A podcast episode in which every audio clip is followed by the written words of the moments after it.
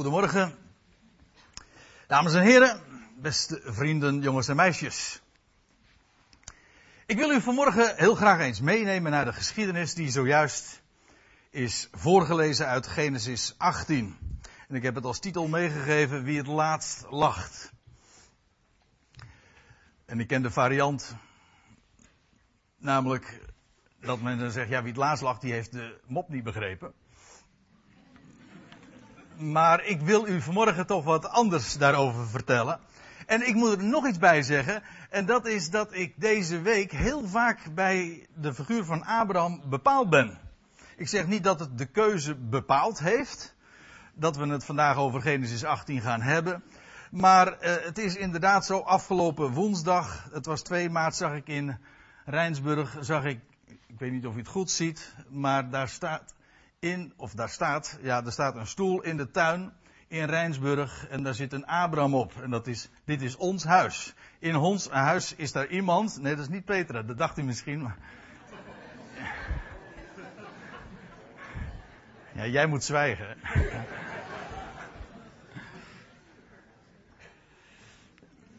Is er iemand die Abraham heeft gezien? Ja. En die stond, uh, die zat met recht ook aan de ingang van de tent. Nou ja, ons huis dan. En over die Abraham wil ik vanmorgen graag eens wat vertellen. Die bekende geschiedenis, want ik denk, en ik neem aan dat de meesten van u de, het verhaal wat we zojuist hebben gelezen wel zullen kennen. Nou, laten we daar gewoon eens naartoe gaan. Dat zijn 15 versen. Ik heb ruim een half uur, dus we zullen door moeten gaan. Nou, we lezen in vers 1 dan dit. En de Heere verscheen aan hem, en dat is dus aan Abraham. Dan moeten we even weten, het voorgaande. Want aan Genesis 18 gaat een hoofdstuk voor, vooraf, en dat is Genesis 17. Ja, en dat is de geschiedenis, dat prachtige verhaal dat God een verbond sluit met Abraham. En daarbij ook het teken geeft. God geeft zijn belofte wederom, die onvoorwaardelijke belofte. En het teken daarvan, namelijk de besnijdenis. En ik heb een heel beschaafd symbool erbij gezet. En dat is niet voor niks. Ja, dat is een mooi embleem van de besnijdenis. Ja, daar kun je nog wel meer grapjes over maken, dat doe ik nu niet. Maar ik zal u dit vertellen, er staat gewoon iets bij. Namelijk, hij zat daar en de Heere verscheen aan hem bij de terebinten van Mamre. Als u een statenvertaling hebt, dan ziet u dit. Bij de eikenbossen. En dan ineens gaat er een belletje rinkelen, een lampje branden, of ik weet niet hoe, hoe dat bij u gaat. En dat is opmerkelijk.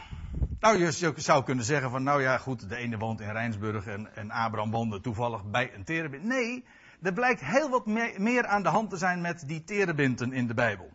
In de, in de Statenvertaling heet het eiken. Vind ik trouwens heel wat begrijpelijker dan een terebint. Maar goed.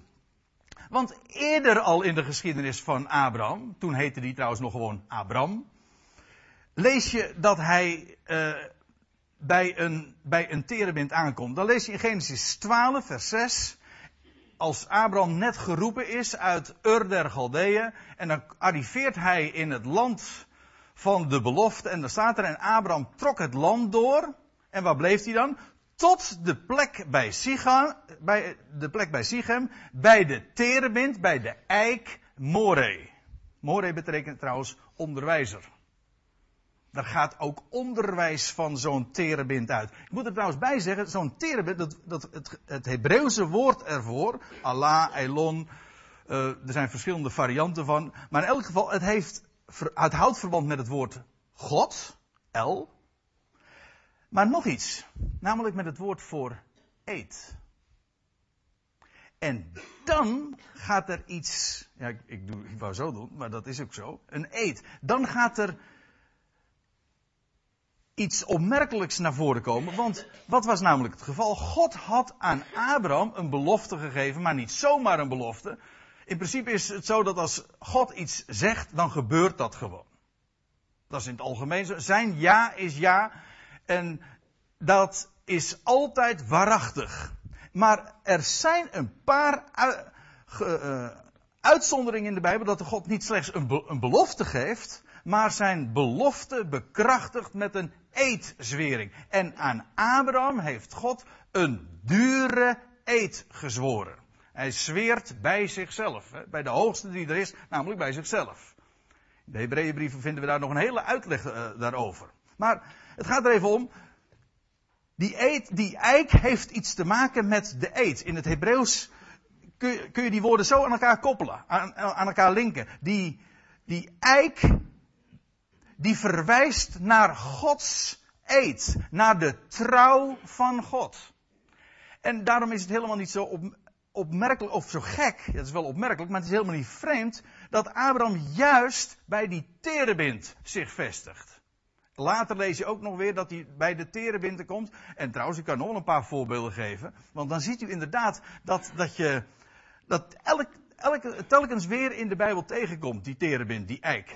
Uh, in Genesis 35, in de geschiedenis van Jacob lees je, toen Deborah, dat was de voedster van, van Rebecca, gestorven was, werd zij begraven beneden Bethel. En daar staat er, onder een eik. Waarom? Het is de mooiste plek als je er even over nadenkt. Om daar begraven te worden. Als je weet waar het een uitbeelding is van Gods trouw. Het is trouwens ook nog een uitbeelding van, van opstandingskracht. Het is, een, het is een mannelijk embleem. Nou ja, dat had u al begrepen natuurlijk. Hè? Het is een beeld van opstandingskracht. En dat heeft ook alles weer te maken met de besnijdenis. In elk geval, de, de voedster van Rebecca, die werd daar begraven. En dat is niet alleen maar in, in, in de Bijbel vind je dat. Want je vindt, uh, ik heb dat nog eens een keertje nagelezen. Maar in vele culturen is dat, uh, speelt de eik een grote rol. En werd, werden mensen begraven, ook de oude Germanen deden dat. Bij voorkeur werden mensen begraven onder de eikenboom. Zij hadden toen nog kennis van symboliek die wij inmiddels in onze dagen kwijt zijn geraakt. En ook de rechtspraak vond ook plaats bij de eikenboom. Dat is ook niet zo gek. Natuurlijk. Daar waar een embleem staat van de trouw van God, juist, juist daar zou je recht spreken. Nog een voorbeeld. Genesis in, ja, dan komen we in Jozua aan. Dan lees je in het laatste hoofdstuk van, van dat Bijbelboek. Jozua schreef deze dingen op in het wetboek van God staat er. En hij nam een grote steen. Ik ben haast geneigd om te zeggen, hij rolde de grote steen. En hij richtte die al daarop. Dat wil zeggen, hij zet hem overeind. Hij doet hem opstaan. Ik zeg het expres zo. En dan staat er bij, onder de terebint, onder de eik. En dan staat er nog bij, op de heilige plaats des Heren. Dus zo'n terebint, zo'n vermelding van Abraham bevond zich bij de terebinten van Mamre, is niet zomaar. Ik zal nog een voorbeeld geven. Dat is de geschiedenis van Gideon. En dat, dan lees je in, in Richter 6. Toen kwam de engel des Heren, feitelijk was dat de Heer zelf. En hij zette zich neer onder de terebint te Ofra, terwijl Gideon bezig was in de wijnpers tarwe uit te kloppen. Nou, het gaat nu uiteraard niet om, om het verhaal aan zich, maar om het feit dat de Heer verschijnt waar? Wel onder de terebint, onder de eik. En dan deze geschiedenis. Nog niet zo lang geleden is daar hier op deze plaats ook over gesproken. Uh, over de geschiedenis van David en Goliath. Maar waar vond die strijd plaats? Waar haalde David de overwinning op Goliath? Wel, dat was in het dal. Je leest in 1 Samuel 17. Saul en de mannen van Israël verzamelden zich, en, uh, zich ook. En zij legerden zich in het Terebintendal. En ze stelden zich op in slagorde tegenover de Filistijnen. Nou, tenslotte nog, Jezaja 61. Ik, ik, geef zomaar een paar voorbeelden, want kijk het maar eens na in de concordantie. Een hele lange waslijst buitengewoon boeiend. Maar in Jesaja 61 dan lees je nog dat daar de profetie wordt uitgesproken bij monden van Jezaja. En dan lees je dat er gesproken wordt over het, over het volk van Israël. En men zal hen noemen terebinten van de gerechtigheid. Dat wil zeggen eiken van de gerechtigheid. Een planting van de Heere zelf, tot zijn verheerlijking. Want daar spreekt de, de eik van. Hier wordt het, de, de eik gekoppeld aan gerechtigheid. Maar dat is, dat bevestigt precies wat we zojuist al overdachten. Het heeft te maken met Gods woord. Dat betrouwbaar is, dat je kunt geloven. Trouwens, geloven, dat is, dat rekent God. Dat is Abraham alles van. God rekent geloof tot gerechtigheid. Namelijk amen zeggen op wat hij gesproken heeft. Wel, daar heeft die eik mee te maken. En dat heeft ook alles weer te maken met het teken van de besnijdenis. De trouw van God. En Abraham was daar gezeten. Goed, we gaan terug naar die geschiedenis in Genesis 18. En de Heere staat er, verscheen dus aan hem bij de terebinten van Mamre. Terwijl hij op het heetst van de dag in de ingang van de tent zat. Je ziet het zo voor je. En dan staat er, hij sloeg zijn ogen op en hij zag en zie drie mannen die stonden daar bij hem. En toen hij hen zag, liep hij hun uit de ingang van zijn tent tegemoet en hij boog zich ter aarde. Zoals ooit Rembrandt dat prachtig heeft uitgebeeld met een paar van die potloodstrepen. En uh, toen ik wat afbeeldingen zocht op het uh, internet, was het niet moeilijk om vele, vele uh, schilderijen en tekeningen te vinden van, van deze geschiedenis. Dit is er één van. Abraham die, die ontvangt hen buitengewoon gastvrij. Dat blijkt ook uit het vervolg. Hij boog zich ter aarde en daar staat er. En hij zeide, mijn heer. Dat is, dat is eigenaardig. Hij zegt niet, mijn heren. Hij ziet drie mannen en hij zegt, mijn heer. Maar als je het vervolg van de geschiedenis leest, dan begrijp je ook meteen waarom. Omdat die twee mannen, dat blijken boodschappers te zijn. Die gaan later trouwens door naar, naar Sodom, naar de neef van Abraham.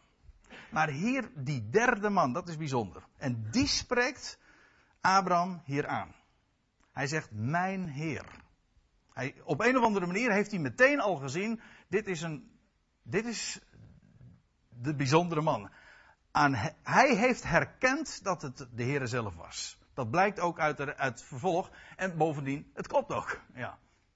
Hij zei dus, mijn Heer, eh, indien ik uw genegenheid gewonnen heb, ga dan niet aan uw knecht voorbij. Abraham weet zich ineens zeer bevoorrecht. En hij zegt van, ga alsjeblieft nou niet uh, verder trekken. Blijf hier. Ik wil nog op iets wijzen, wat er eigenlijk staat. Er staat hier, indien ik uw genegenheid gewonnen heb. Maar als ik me niet vergis, staat er in de Statenvertaling, en in elk geval dat is de letterlijke weergave. Indien ik genade gevonden heb. Nee, indien ik genade vind in uw ogen. En als je er even over nadenkt, is dat veel mooier ook. Het is niet genegenheid winnen, alsof Abraham zijn best moest doen om, om, om Gods genegenheid te winnen. Dat is eigenlijk wat, wat, wat godsdienst in het algemeen is. Hè? Om God te pleasen, om, om Hem tevreden te stellen. Je genegen, zijn genegenheid zien te winnen. En daar maar mee bezig zijn. Netjes leven, fatsoenlijk leven. Of hoe, of hoe, je dat dan ook maar zou voor ogen hebt. Of hoe dat dan ook maar gezegd en geleerd wordt. Dat is wat godsdienst is. Je, de genegenheid van God zien te winnen. Maar, dat, maar dat, is niet hier, wat hier aan de orde is. Abraham zegt, indien ik genade vind in uw ogen. Die hoeft niet, die hoeft niet gewonnen te worden die zag God, die, pardon, die zag Abraham in de ogen van die Heer. Die hij zegt, waarvan hij zegt, dat is mijn Heer. Genade. Ja, trouw, er staat vinden, maar dat betekent niet eens dat hij hem gezocht heeft. Je leest ergens in Jezaja van, ik ben gevonden voor wie mij niet zochten. Nou, Abraham was zelf zo iemand. Die was zelf geroepen in Ur der Galdeeën. En hij heeft de Heer leren kennen. Als je in zijn ogen kijkt, dan vind je genade. Kan niet, dat kan niet missen, want het is uitsluitend genade. Dat wil zeggen, stralende ogen. Ogen die blij maken, want dat is eigenlijk wat genade ook is. Het Hebreeuwse woord is, dat kennen we allemaal, dat is gen, en daar komt ons woord gein vandaan. Dat is dat wat blij maakt. Dat is wat genade is. Wat vreugde geeft. Wat je doet stralen. Wel, als je in de ogen van Hem kijkt. Als je luistert naar wat Hij te melden heeft. Dan vind je genade. Genade op genade. Goed. Hij zegt, uh, ga, ga mij alsjeblieft niet voorbij.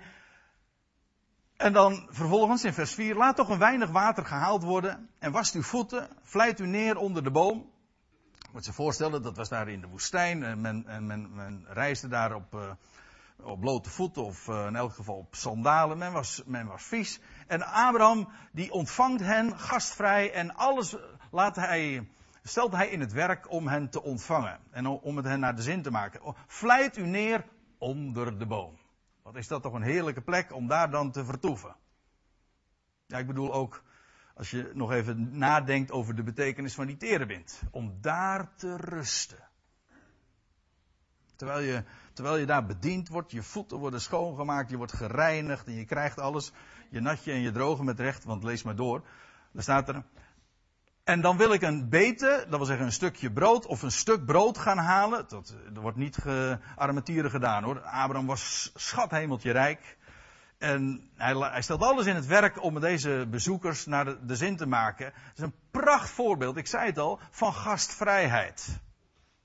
Bij, dat, dat, dat, kent men in het Midden-Oosten tot op de dag van vandaag veel meer dan wij. wij, wij bij ons is het zo dat als we zeggen van. Uh, we gaan, je, je hebt bezoek.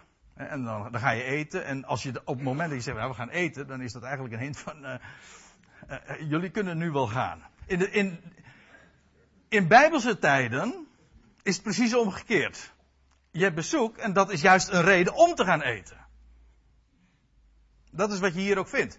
Uh, en ja, men nam, men nam de tijd ervoor hoor. Want, want, dan lees je in vers 5: Ik, ik zal een, een stuk brood gaan halen. Opdat gij uw hart versterkt. En daarna kunt gij dan verder trekken. Nou, ik kan u vertellen, daar zijn echt nog wel enige uren aan voorbij gegaan. Want vervolgens, weet je, nog dat Abraham zegt: Ja, daartoe zijt gij immers langs uw weg getrokken. Met andere woorden, dit, is dit moet zo zijn dat u hier nu bij mij bent. En, en zij zeiden, doe zoals gij gesproken hebt. Wij zouden zeggen, doe wat je zegt, dan lieg je niet.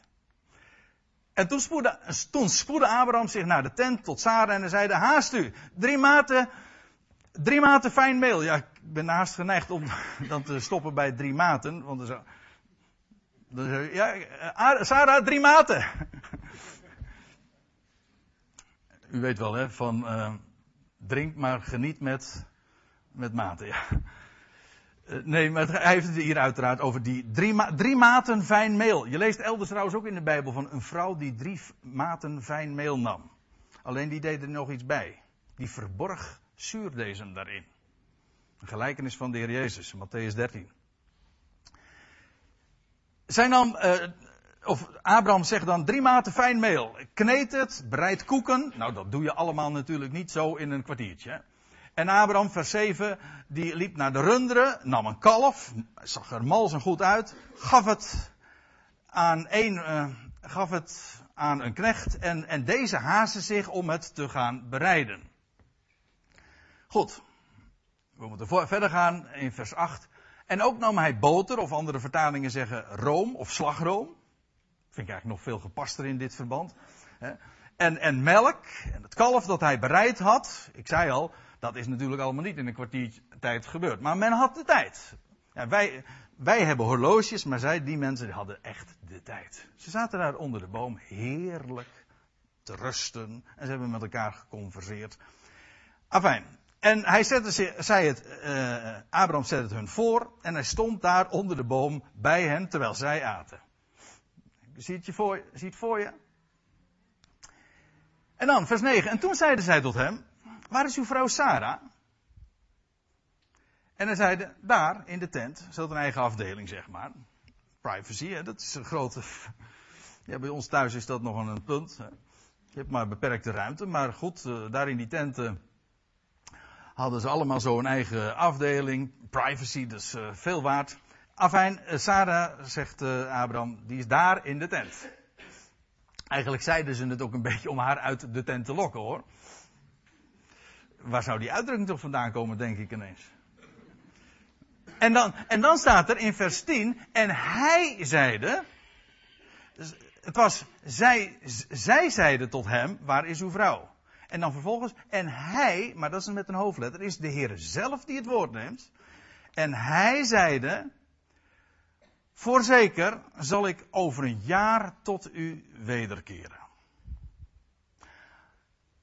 Als u een statenvertaling hebt, dan ziet u dat daar niet staat, en dat is ook de meest letterlijke weergave, niet over een jaar, dat is een interpretatie. Het zou kunnen, maar het staat letterlijk omtrent de tijd des levens. Dat is de meest letterlijke, omtrent de tijd des levens. En men heeft dat opgevat en dat zou best kunnen. Dat wil zeggen, als deze tijd weer terugkomt. Dat wil zeggen, vandaag of deze tijd over een jaar. Als de tijd herleeft. Maar ik moet u zeggen, er is nog een uitleg voor de hand liggend. Het meest voor de hand liggend als u het mij vraagt. Namelijk het uit te leggen als de tijd van je leven. Dat is namelijk wat er staat. Omtrent de tijd van het leven zal ik tot u wederkeren. Wat hier aan, dit is namelijk een belofte. Aan Abraham en aan Sarah wordt hier beloofd, ik kom tot je terug. Maar dat zal zijn de tijd van je leven. En eerlijk gezegd vind ik dat, vind ik nog veel mooier. Eigenlijk, wat hier aan Abraham en Sarah beloofd wordt, je, de tijd van je leven komt nog. Wauw. Moet u zich voorstellen, Abraham was bijna 100 en zijn vrouw was 10 jaar jonger. Maar de tijd van hun leven gingen ze nog krijgen. En Sarah heeft het ook zo opgevat. Maar, maar nog eerst nog eventjes nog iets anders. Er staat in ditzelfde vers. Dus uh, voorzeker zal ik omtrent de tijd des levens tot u wederkeren. En dan zal uw vrouw Sarah een zoon hebben. Nou hebben, heeft men gedacht dat er in het boek Genesis iets ontbreekt, want je leest niet meer dat de Heer inderdaad een bezoek brengt aan Abraham en Sarah. Is dat een lancune? Is dat een, ontbreekt daar iets in het boek Genesis? En ik denk het niet. Ik denk dat de Heer teruggekomen is. Hoe? Wel gewoon wat er in de rest van de zin staat. Namelijk, uw vrouw Sarah zal een zoon hebben. Zo kwam de Heer tot hen terug. De Heer, geeft, de Heer komt terug, namelijk in zijn woord, in zijn belofte, dat met recht vlees wordt. Als ik het zo zeg, dan begrijpt u al dat ik verwijs naar de zoon van Abraham. De Heer komt terug namelijk, hoe? Wel, als Sarah's kind geboren wordt. En als Isaac, want zo wordt zijn naam, eh, als hij ter wereld komt. Dus als hier staat van ik zal tot u weerkeren, dan, is, dan, dan wijst dat juist op de zoon van Abraham. En natuurlijk in deze geschiedenis is dat Isaac. Maar achter Isaac zien we natuurlijk, en dat is niet moeilijk, zien wij de zoon van Abraham. Zo wordt hij in het Nieuwe Testament toch geïntroduceerd. Ik meen van het allereerste vers, Matthäus 1, vers 1 het geslachtsregister van Jezus Christus, de zoon van Abraham. En God komt tot ons. En komt tot zijn volk Israël. Hij komt tot deze wereld. Hoe? Wel, in de zoon van Abraham. Als hij ter wereld komt, dan komt de Heer zelf. Ja, ik lees nog even verder. En dan lees je, in vers 10 staat er. En Sarah luisterde bij de ingang van de tent, want ze was dan weliswaar elders. Maar ze vangt die gesprekken goed op. En daar, eh, ze luisterde bij de ingang van de tent die zich achter hem bevond. En dan lees je nog in vers 11, Abraham nu en Sarah, die waren oud. Nou, dat was al duidelijk uit het voorgaande van, van deze hele geschiedenis. Ze waren hoog en, en welbedaagd, staat er in de Statenvertaling. Hoogbejaard. En het ging Sarah niet meer naar de wijze der vrouwen. Dat is een hele nette manier van formuleren te zeggen, want ze menstrueerde niet meer. Zij had, maar dat klinkt in dit verband een beetje vreemd, dat Sarah gezien dus. Hè? Ja. Het ging haar niet meer naar de wijze der vrouwen. Dat is een hele, dat noemen ze een eufemisme. Zoals ze in Engeland zeggen van, als je naar het toilet gaat, ik ga even mijn handen wassen. Nou, het ging haar niet meer naar de wijze der vrouwen. Ze was niet meer vruchtbaar. Nou, dat, als ik het zo zeg, dat is niet helemaal correct, want Sarah was namelijk nooit vruchtbaar geweest.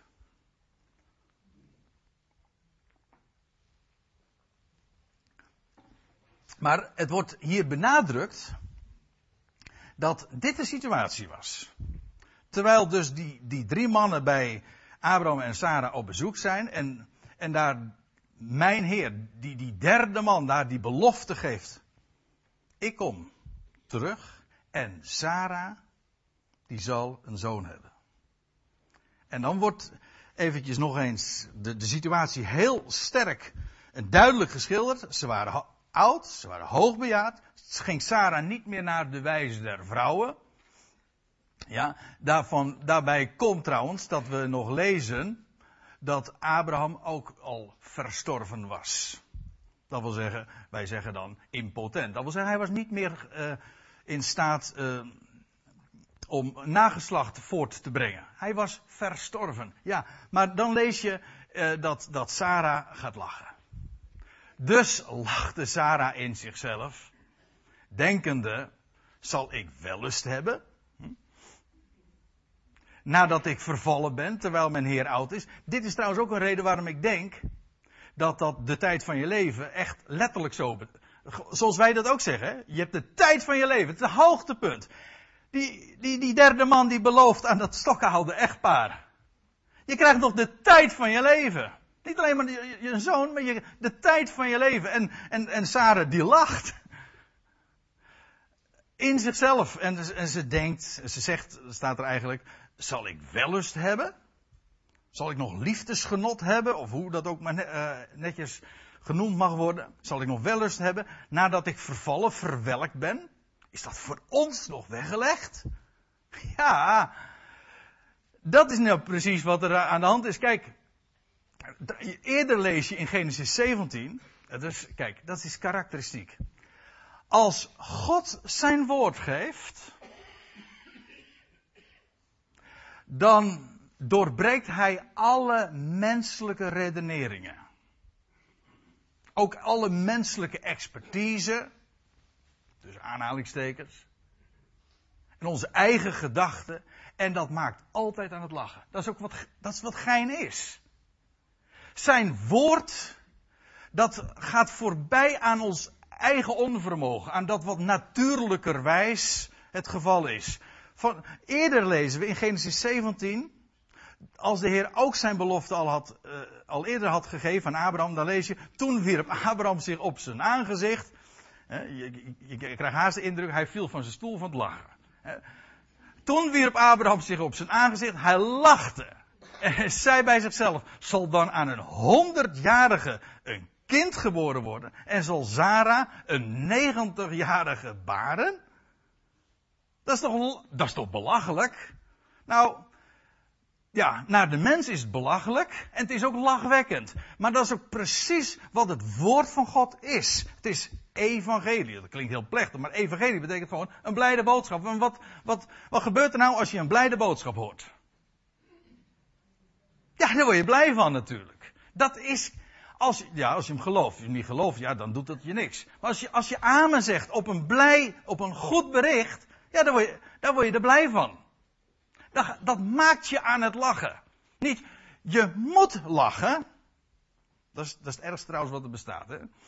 Als je moet lachen. Vrolijk moet zijn. Ik las van de week een, een, een bericht. Dat was, dat ging, er was onderzoek gedaan in Amerika. Over wat er gebeurt als mensen verplicht, eh, bijvoorbeeld verplicht worden in, in de winkel, daar is, in Amerika is dat nog veel meer gebruik, hè, dat ze verplicht worden om te lachen. Bleek dus dat als je dat moet doen, dat het ziekteverzuim stijgt. Want ja, dat schijnt erg vermoeiend te zijn. Lachen is, we zeggen allemaal, lachen is gezond, ja, maar het moet wel van binnenuit komen. Er moet wel wat te lachen zijn. Je moet blij zijn. Kijk, dan is lachen zeer gezond. En, trouw, en nog veel meer hoor, want juist doordat je vreugde hebt in dingen, doe je dingen ook goed. Geldt met alles. Als je, als, als je met plezier, nou, eh, noem maar wat. Als je iets met plezier doet, dan ben je er. Als je met plezier auto rijdt, ben je een beter autorijder dan als je daar een hekel aan hebt. Eh, eh, van Abraham lees je dat hij, hij lachte als hij het woord van God hoort. En dat is wat Gods woord met een mens doet. Het maakt blij. Het, het, uh, je, je ziet niet meer op je probleem. Want kijk, het, het gaat hier ook in beide gevallen. Sarah moest lachen, Abraham moest lachen. Waarom? Ja, naar de mens gesproken kon dat natuurlijk helemaal niet. Nee, inderdaad. Maar als je opziet naar boven, en dat is eigenlijk wat lachen is, hè. Echt lachen, dat heeft niks met, ja, het is vandaag carnaval. En dan wordt, er, dan wordt een mens ook verondersteld te lachen. Maar dat is, ja, als je veel, uh, als je veel naar, veel uh, naar binnen werkt, dan, dan word je vrolijk. Maar dat is gemaakte vrolijkheid. Dan krijg je, dat is, dat is vrolijkheid waar je een kater van overhoudt. Maar echt lachen, dat is wanneer er een venster geopend wordt. Een venster naar God, bij wie niets te wonderlijk is. Wel, ik zal u vertellen, want we lezen even door in vers 13. Toen zeide de Heer tot Abraham, waar, waarom lacht Sarah daar? En zegt ze, zal ik werkelijk baren terwijl ik oud geworden ben? En Sarah heeft gedacht dat is een verwijt, maar het was het niet. De Heer bevestigt slechts zijn woord, want hij zegt, zou voor de Heer iets te wonderlijk zijn, zou voor hem, die hemel en aarde gemaakt heeft, de zeeën en alles geformeerd heeft, de bedacht heeft, tot stand gebracht heeft, zou het voor hem te wonderlijk zijn om een, man van bijna 100 en een vrouw van bijna 90 om bij, bij, hen een kind te verwekken, zodat ze, nog de tijd, zodat ze ook nog de tijd van hun leven hebben en genieten van de liefde van elkaar. Zou er voor de Heer iets te wonderlijk zijn om dat te realiseren? Kijk, als je dat beseft, dan ga je lachen. Dan heb je geen, geen problemen Nou, die zijn er wellicht. Maar als je je bedenkt, er is iemand die daar boven is. Die alles gemaakt heeft, die alles in zijn hand heeft, voor wie niets te wonderlijk is, dan ga je lachen. Dat ontspant. Dat wat, wat je zou moeten, maar niet kunt. Je, je eigen onvermogen, je eigen handicaps, je verleden. Nou, alles wat aan een mens kleeft en wa, wat je te neerdrukt. Wel, het je, het glijdt van je af. Want je realiseert je, zou voor hem iets te wonderlijk zijn. Het gaat niet om wat, om mijn onvermogen, mijn problematiek. En dan kun je, want dan kun je natuurlijk, dat kun je heel serieus nemen. Dan ga je naar iemand toe, hè, je, je legt hem je problemen voor en dan ben je nog, en dan zeggen we van nou, uh, dat is iemand die mijn probleem serieus neemt. Dat is een rare vorm van hulpverlening trouwens hoor. Want weet je wat er gebeurt als je je probleem serieus neemt? Weet je wat je dan hebt? Een serieus probleem.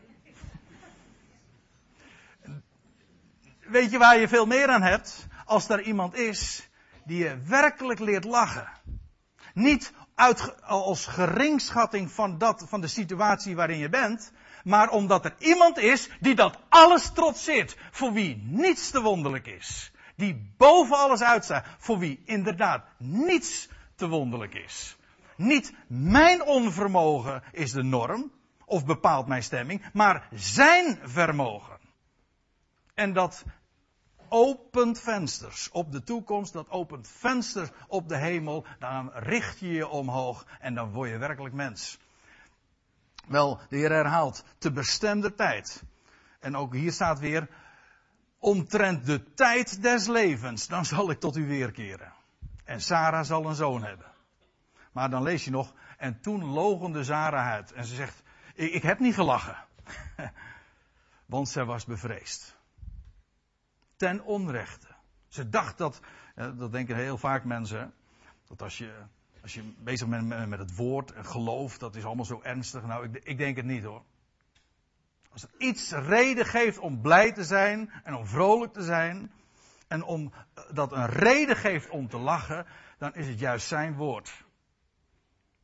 Later lees je dat ook hoor.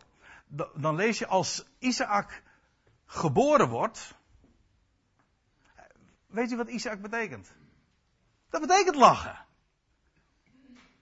De zoon van de belofte, die heet gewoon lachen. Dan staat er in Genesis 21. En Sarah zeide, God heeft gemaakt dat ik lach. En dat iedereen die het hoort, die zal om mijnentwil lachen. Ja, dat is wat de Heer doet met zijn woord. Hij maakt zijn woord waar. Hij vervult zijn belofte. En, en Sarah was bevreesd en, ze dacht, oh, ik mocht niet zeker niet lachen. Ja, juist wel. God maakt dat je lacht. Niet, misschien zij, dacht zij nog van, oh, het zal niet gebeuren. Hoe, hoe is het mogelijk? Ja, maar dan zegt de Heer, misschien wel, hoe is het mogelijk? Naar de mens gesproken, heb je helemaal gelijk. Akkoord. Maar zou voor de Heere iets te wonderlijk zijn? Zou er voor hem, zouden er voor hem limits zijn? Beperkingen? Nee, natuurlijk niet. En dat is de God waarmee we in de Bijbel van doen hebben. Een God die belooft, die blij maakt, in wiens ogen wij genade zien, die gein heeft en geeft in overvloed. En dan lees je, en daarmee wil ik afsluiten in Hebreeën 11. Want later komen deze twee mensen, Abraham en Sarah, nog terug in, die, dat bekende hoofdstuk Hebreeën 11. De Hall of Fame. De Hall of Fame van geloof. Van wat, het, wat er gebeurt als je God gewoon op zijn woord neemt. En dan lees je in Hebreeën 11, door het geloof. Dat wil zeggen, amen zeggen op wat God gesproken heeft. Ook al zegt, ook al zeggen de medici, of al zeggen ze in het academisch ziekenhuis, zus, hè, want uh, stel je voor, Sarah was naar het academisch ziekenhuis geweest en die had, gezegd, nee mevrouw Sarah, dat gaat het niet worden hoor. En wetenschappelijk heeft de gynaecoloog vastgesteld dat u geen kinderen kunt krijgen. Trouwens, uw man uh, is daar ook niet meer toe in staat. Ja, maar de Heer heeft gezegd. Nou kijk, en dat verandert nou alles. En zou voor hem iets te onmogelijk zijn. En dan wordt er inderdaad een lange neus getrokken tegenover al dat soort menselijk geredeneer. Kijk, dat is geloof. En dan, dan ga je lachen. Lachen om alles wat er in de wereld zegt. Over wat ze over jou zeggen. We hebben het toch zojuist ook gezongen. Ze zeggen allemaal van dat ik gek ben of dat ik niks kan. Ja, maar de Heere zegt dat ik van waarde ben. En zo is het. En dan kunnen ze allemaal, nou, nou wilde ik een raar woord zeggen. Dan kunnen ze allemaal zeggen wat ze willen. Maar zo is het. Kijk, en dan heb je fundament onder je voeten. Sarah wist er al van. Door het geloof heeft ook Sarah kracht ontvangen om moeder te worden. Staat letterlijk eigenlijk ja, dat staat er niet eufemistisch. Er staat letterlijk tot neerwerping van zaad. Om zaad te ontvangen. Door geloof. Wij zijn niet, eh, zijn niet gewend om geloof en, en seks met elkaar te koppelen, maar de Bijbel is het juist omgekeerd. Als één, één ding een uitbeelding is juist van, van zijn woord en van zijn liefde, waardoor leven ontstaat. Begrijpt u hem? Dan is het juist in de seksualiteit. Door geloof heeft ook Sarah kracht ontvangen om zaad te ontvangen en, en dat ondanks haar hoge leeftijd. Waarom? Daar zij hem, die het beloofd had, betrouwbaar achtte. En dat is geloof. En dan moet je eens kijken wat er gebeurt. Trouwens, later, dan lees je vervolgens ook nog van Abraham, vers 12. Daarom zijn er ook uit een man, en wel een verstorvene, verwelkt, verstorven, voortgekomen als de sterren des hemels in menigte. En gelijk het zand aan de oever van de zee, dat ontelbaar is. En dat zie je altijd in de Bijbel. Onvruchtbare vrouwen. Zara was er een, Rebecca was er een, Rachel was er een, Hanna, Elisabeth. Nou, ik noem zomaar een paar namen. Wat God doet, is in een vruchteloze, situatie, daar waar de dood heerst, hij brengt leven tot stand. Dat is het hele evangelie. God brengt leven voort uit de dood. En Abraham heeft die opstanding, ja, aan den leven ervaren. En hij heeft nieuw leven voortgebracht. Die oude man. En daarom zeg ik, wie het laatst lacht, lacht het beste. Ik stel voor dat we daarvan gaan zingen.